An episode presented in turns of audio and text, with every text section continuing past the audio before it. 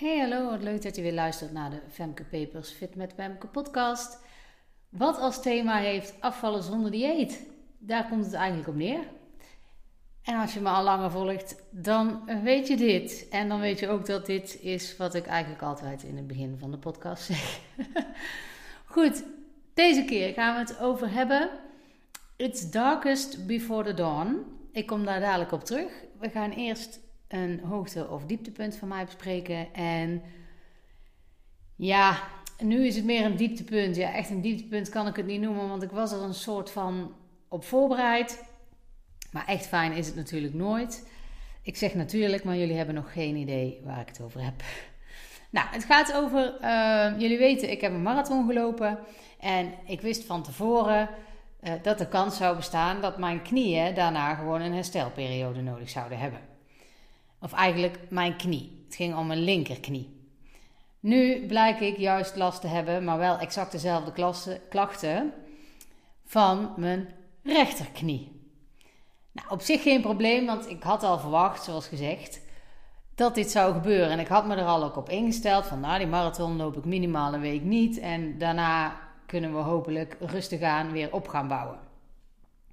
Ik moet ook zeggen, eh, na de marathon de spierpijn die ik had, die was eigenlijk een paar dagen daarna al weg. Mijn knie voelde ik met ja, kleine stukjes wandelen al en trap op en af. Maar ook dat per dag ging met sprongen vooruit. Dus uh, ja, so far so good zou je zeggen. Hè? Ik heb nog geen dieptepunt gehoord. Uh, nou, dat klopt. Uh, is ook nog niet, maar het komt. Um, ja, en echt schokkend is het dieptepunt niet hoor. Ik zal je vast um, uh, uit je lijden verlossen. er komt geen enorm dieptepunt aan. Maar gewoon een little setback, om het zo maar even te zeggen. Maar goed, zo far zo goed. Dus die, die knie die, uh, werd echt wel beter. En ik bedacht en ik, goh, nu ik uh, toch echt wel weer last heb van, van mijn knieën en het echt wel een tijdje gaat duren voor ik weer lekker aan het hardlopen ben, waarop ik weer op mijn oude niveau gewoon mijn kilometers aan één stuk kan maken zonder dat ik daar pijn aan heb. Dat gaat denk ik wel even duren. Dacht ik, weet je wat, ik koop een spinningbike. En nu is het niet zo dat ik dacht, oh, ik gooi er even geld tegenaan en ik koop een spinningbike.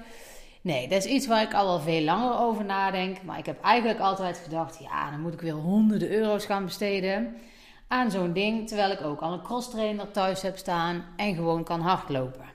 Dus ja, dat is overdreven. Ik hoef geen sportschool aan huis te hebben, om het zo maar te zeggen. Maar goed, toch gaan kijken. Want ik vind het ook wel lekker, spinninglesjes. Je hebt tegenwoordig allemaal apps uh, die je kunt gebruiken. Of op YouTube zullen er vast ook wel spinninglesjes zijn. Die je gewoon lekker kunt volgen. Dus um, ja, toch rond gaan kijken. In de verwachting dat zo'n spinningbike wel ja, een goede, toch wel gauw 5, 6, misschien wel 700 euro zou kosten. En dat had ik er dan eigenlijk weer net niet voor over. Omdat ik al een crosstrainer heb en straks toch weer aan het hardlopen ga. Nou, ik was een beetje aan het kijken op internet. En op een gegeven moment kom ik een, een fiets tegen van ik dacht, nou, dat is een mooi prijsje. Maar ik zal eens even bellen, want ik weet niet goed waar ik op moet letten. Ik heb wel eens ooit lesjes gevolgd in de sportschool, maar dan let ik niet zozeer op ja, hoe die fiets nou in elkaar zit en waar je op moet letten en wat je minimaal moet hebben. Dus ik dacht, ik ga eens even bellen en dan leg ik gewoon uit van nou, het doel is uiteindelijk dat ik één, twee keer in de week een lesje ga volgen. Meer gaat het niet zijn, want cross trainen, hardlopen, nou, en fijn. Toen kwam hij aan de telefoon met wat merken. En uh, hij praatte alsof dat ik die merken moest kennen, maar ik zat met mijn oren te klapperen. En ik zei, ik zeg, ja, je kunt net goed Turks praten, want ik heb geen idee waar je het over hebt. Ik ben helemaal niet thuis in deze wereld. En uh, toen zei hij, nou, uh, deze fietsen hebben zus en zo. En uh, dat is voor jou wat jij beschrijft, één, twee keer in de week. Zijn er prima fietsen. Ik zeg, nou, mooi. Zeg, wat moeten die dingen kosten? Zegt hij, nou, deze is 400 en die andere kwam dan op 450. En toen dacht ik, hé, hey, maar ik heb op jullie site een fiets gevonden van 439 euro die afgeprijsd was voor 2,99. Dus ik geef dat zo aan met de vraag: wat is daar dan mis mee? en toen zei hij: Nou, weet je wat, ik zal het even aan een collega vragen. Uh, of die fiets dan ook goed is voor wat jij wil doen. Nou, dus hij zet mij in de wacht, duurde gelukkig niet lang, kwam zo weer terug. En hij zegt: Nou, dit is een prima fietsje. Die wordt gewoon de laatste tijd best vaak verkocht voor mensen die precies dat doel hebben wat jij hebt. ja, je kan niet op het fietscomputertje de, de RPM, hoe snel je rondgaat, zeg maar, kun je niet meten. Er zit geen hartslagmeter op, maar volgens mij heb jij dat ook niet nodig. Ik zeg, nee, dat klopt. Ik zeg, ik heb een sporthorloge waar ik mijn hartslag mee kan meten. En uh, ja, hoeveel omwentelingen ik maak, uh, in het niet heel erg veel. Dus um, nee, dat hoeft niet. Nou, zegt hij, dan is dat echt een prima fietsje. En toen dacht ik, nou, 299 euro. 300 dus. Ik denk, ja, dat heb ik er dan nog wel voor over. Want ik wil het eigenlijk al veel langer. En ik heb er de ruimte voor. Hij kan prima naast mijn crosstrainer staan.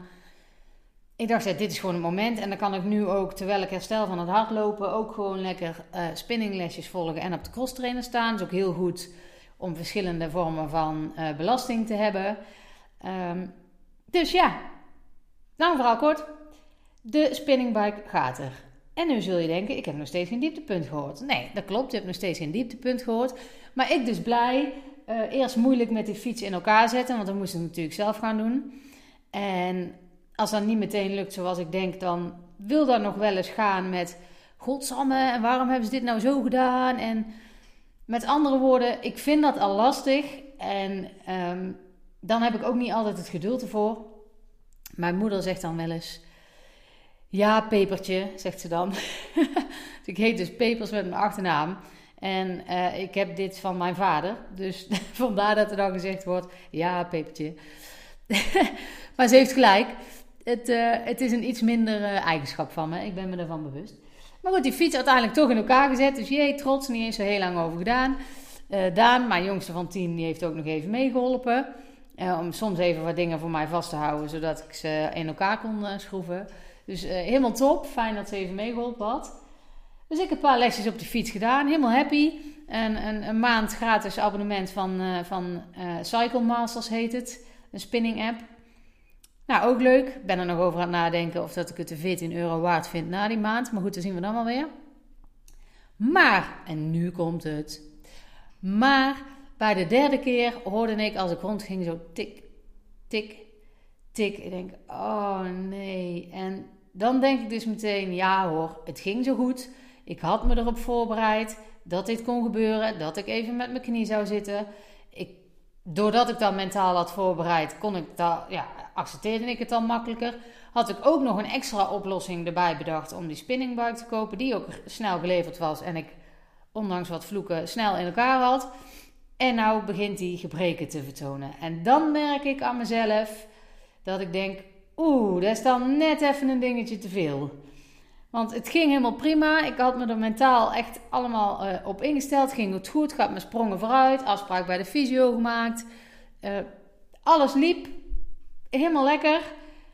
En dan dit. En dan merk ik toch dat het me iets meer doet nog. Dat ik dan nu toch wel weer moet opbouwen dan wat ik dacht. Nu, nu ik deze podcast opneem, heb ik inmiddels mijn afspraak bij de fysio gehad. Heb ik ondertussen gezien dat er met mijn knieën eigenlijk niks mis is. Uh, ja, behalve hele kleine dingen. Dus dat mijn herstel met wat shockwave gewoon waarschijnlijk hartstikke snel zal gaan.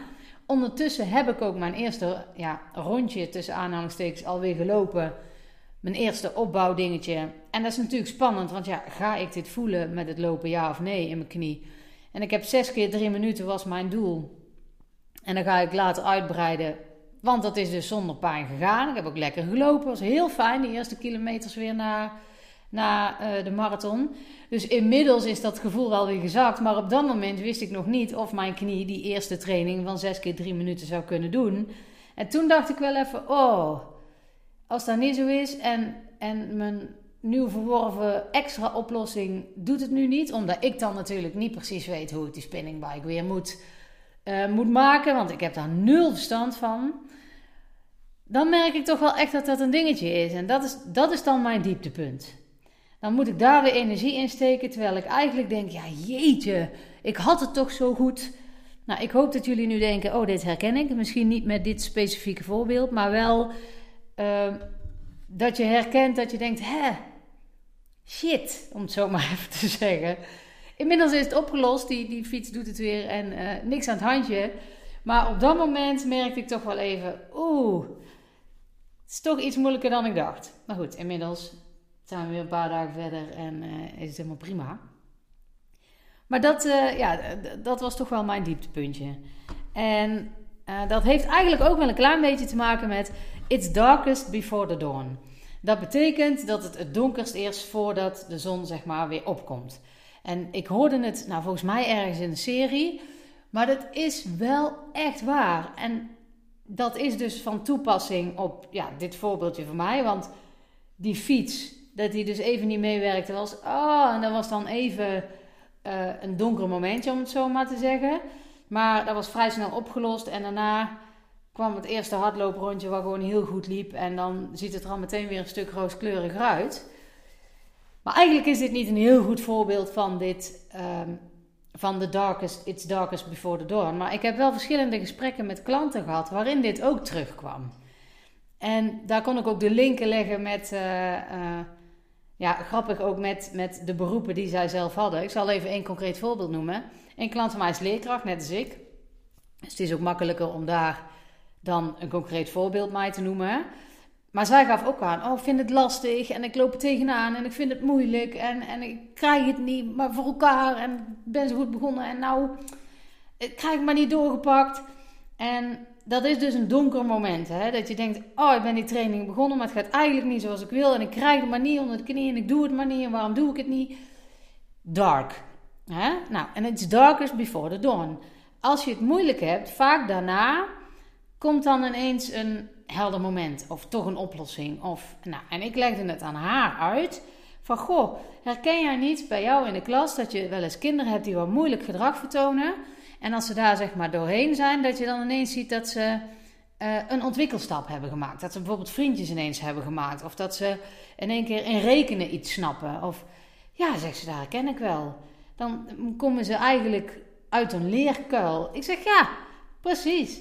Dat is wat het is. Maar op het moment vlak daarvoor voelt het allemaal als heel zwaar. En hoe kan dat nou? En dat komt mede door dat je op dat moment de oplossing eigenlijk nog niet altijd ziet. Of nog niet voor je kunt zien dat een oplossing werkt. Je hebt dan vaak achteraf dat je denkt: oh ja, inderdaad, zo zit het.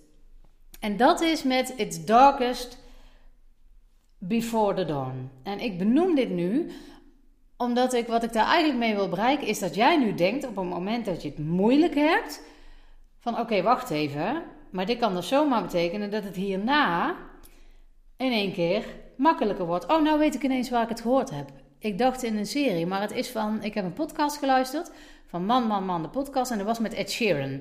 En Ed Sheeran, kennen we allemaal, hè, popartiest, die zei eigenlijk van, goh, op het moment dat ik dacht van ik stop met muziek schrijven, het gaat hem niet worden, ik krijg het maar niet voor elkaar. Ik moet denk ik iets anders gaan doen, want ja, er moet ook geld binnenkomen. En net daarna brak hij door, om het maar even heel kort te zeggen. En toen zei hij ook van It's darkest before the dawn. Daarom ook in het Engels. Nu, nu weet ik weer wat ik vandaan heb. Maar het is dus echt zo waar. Alleen op het moment dat jij net als Ed Sheeran zit van niemand koopt mijn platen of te weinig, uh, het slaat niet aan, ze zeggen dat ik het niet kan, is het heel makkelijk om een bijltje er eigenlijk bij neer te gooien. Maar als je dan doorgaat, zul je zien dat er een, een opleving komt. En nou is dat bij Ed Sheeran natuurlijk wel meteen een, een heel groot verschil, om zo maar te zeggen, hè, waar, hij op uitgekomen is. En maar je kan het natuurlijk ook veel kleiner in, in successtories zien. Hè? Net bijvoorbeeld bij kinderen, dat ze dan in één keer uh, een, een, een, onderdeel van het rekenen wel snappen. Of in één keer toch een vriendje hebben om mee af te spreken, terwijl ze het eerst heel lastig vonden om daar contact te maken. Dat is dan wat kleiner, maar het komt op dezelfde manier. Op het moment van tevoren voelt het allemaal echt heel zwaar en heel moeilijk. En het lastige is dat jij op dat moment nog niet kan zien hoe het eruit ziet als je daar doorheen komt. Je hebt geen garantie in die zin dat het daarna beter wordt. Maar eigenlijk, als je terugkijkt, en misschien kun je zelf nu ook wel concrete voorbeelden bedenken vanuit je eigen leven. Als je daarin terugkijkt, zul je eigenlijk zien dat het altijd zo was. Dat voor een moment dat je een nieuwe baan krijgt, terwijl je heel lang aan het solliciteren bent en poeh, denk ik niet.